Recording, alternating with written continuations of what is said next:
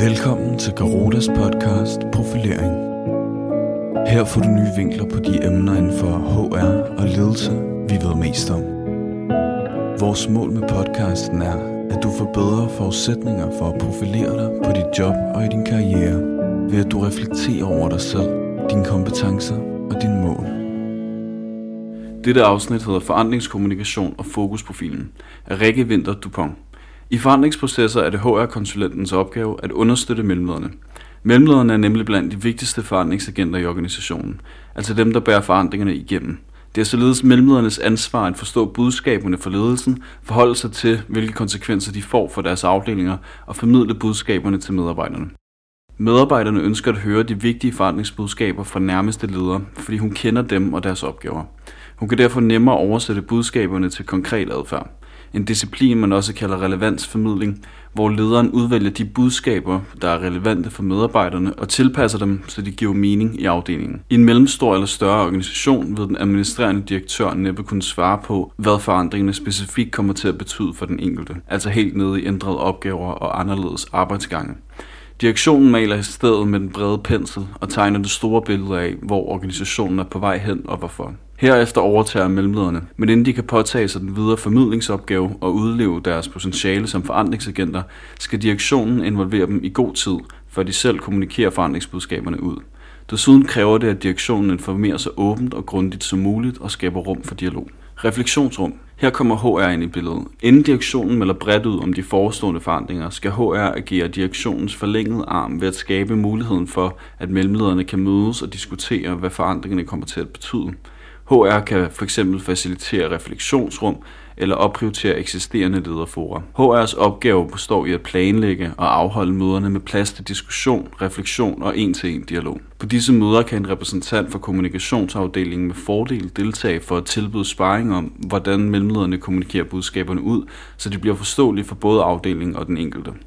Det handler især om at oversætte de ofte abstrakte termer og vendinger fra forandringens køreplan til eksempler på, hvad forandringen betyder for lige præcis Erik og Lisa i økonomiafdelingen, eller for Søren og Anne i administrationen. Forsømmer mellemlederne og HR dette vigtige refleksions- og formidlingsansvar, fører det sandsynligvis til modstand for medarbejderne. Hvis de har svært ved at se, hvorfor forandringen er relevant for dem, eller hvis de føler sig overset i forandringens tilblivelse, bliver den således sværere at implementere. Modstand opstår, hvis medarbejderne mangler forståelse for forandringen, Medarbejderne føler sig utrygge, fordi de savner indsigt. Formålet med forandringen er utydeligt. Der opstår usikkerhed om ledelsens engagement.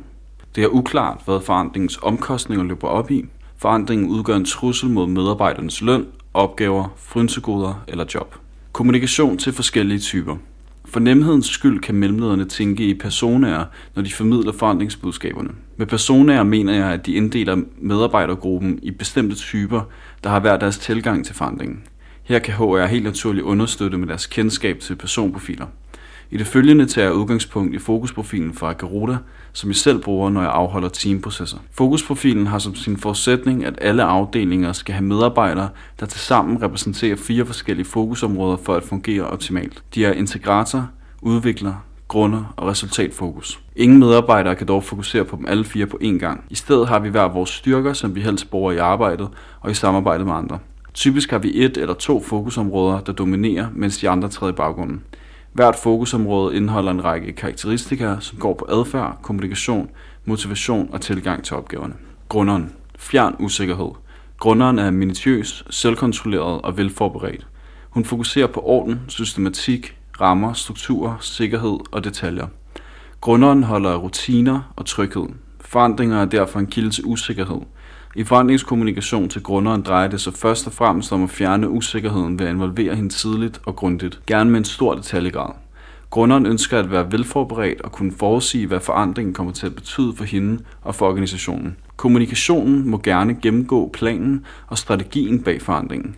Det skal være tydeligt, at både plan og strategi er gennemtænkte og bygger på undersøgelser samt fakta. Og så skal kausaliteten mellem forandring og ønsket fremtid skinne igennem. Savner grunderen disse elementer, vil modstanden fra hende komme til udtryk ved, at hun hænger sig i detaljer. Hun kan være ufleksibel og stedig.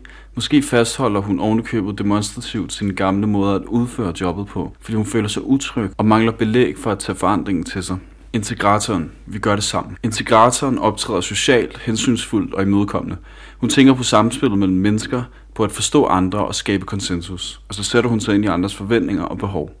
Forandringskommunikation til integratoren skal fokusere på, at forandringens succes afhænger af en holdindsats. Så i kommunikationen skal vi kredse om, at vi fjerner forhindringer og usikkerhed ved at involvere alle i en åben dialog.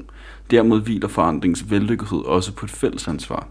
Integratoren er vigtig at få med, fordi hun hurtigt føler sig ind på andre og sætter tid af til at snakke med dem. Hun vil altså opspore modstand og kan optræde som maler, når først hun selv har set lyset i forandringen. Modstand for integratoren kan være, at hun fremstår opgivende, hvis hun føler, at hun ikke er involveret, eller at hun er for optaget af at behage og for konfliktsky til at sige sin mening om forandringen, så det bliver svært at afkode, hvordan hun reelt har det. Integratoren kan desuden bruge for lang tid på at tale med kollegaerne om forandringen. Resultatskaberen. Du opnår bedre resultater. Resultatskaberen foretrækker konkurrence, de hurtige resultater og det målbare i jobbet. For hende handler det om at skabe konkrete resultater. Hun skubber, tager chancer, er utålmodig og går lige til eller over grænsen. Resultatskaberen skal have budskaberne råt for usødet. Forandringerne hjælper os med at vinde i markedet og blive bedre end konkurrenterne. Planen for forandringen er ambitiøs, vi har høje mål, og vi går hurtigt i gang. Resultatskaberen skal føle sig som en vigtig spiller i bestræbelserne på at nå i mål med forandringerne. Det betyder, at resultatskaberen også undervejs i processen skal opleve at blive belønnet for den store indsats, som hun uværligt leverer, hvis hun ser en umiddelbar effekt i sine daglige opgaver. Forandringer tager ofte lang tid at føre igennem, og resultatskaberens utålmodighed er her et oplagt sted, hvor I kommer til at møde modstand. Samme modstand møder I sandsynligvis, hvis resultatskaberen ikke får anerkendelse, eller hvis forandringen ikke udmunder sig i konkrete målbare resultater relativt hurtigt. Derfor bliver endnu en formidlingsopgave at anskueliggøre resultater løbende og redegøre for, hvordan resultaterne hører sammen med forandringen. Udvikler. Tænk på mulighederne. Udvikleren møder tilværelsen med idérigdom, opfindsomhed og optimisme.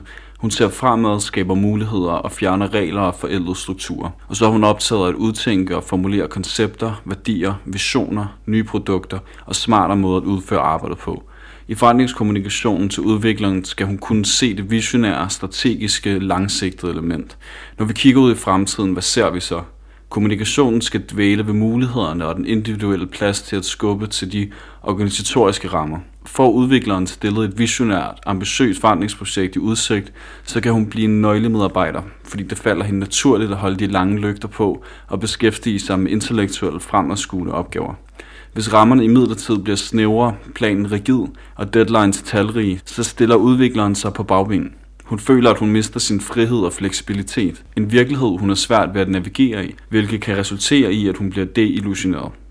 Udvikleren har brug for at se formålet med forandringen. Hvis formålet fremstår utydeligt, ender hun med at gå sin egen vej. HR understøtter mellemlederne. HR-konsulenten kan bruge fokusprofilen til at hjælpe mellemlederne med deres forandringskommunikation ude i afdelingerne. Inden I går i gang, er det dog vigtigt for mig at understrege, at vi alle sammen indeholder karakteristika for grunderen, integratoren, resultatskaberen og udvikleren.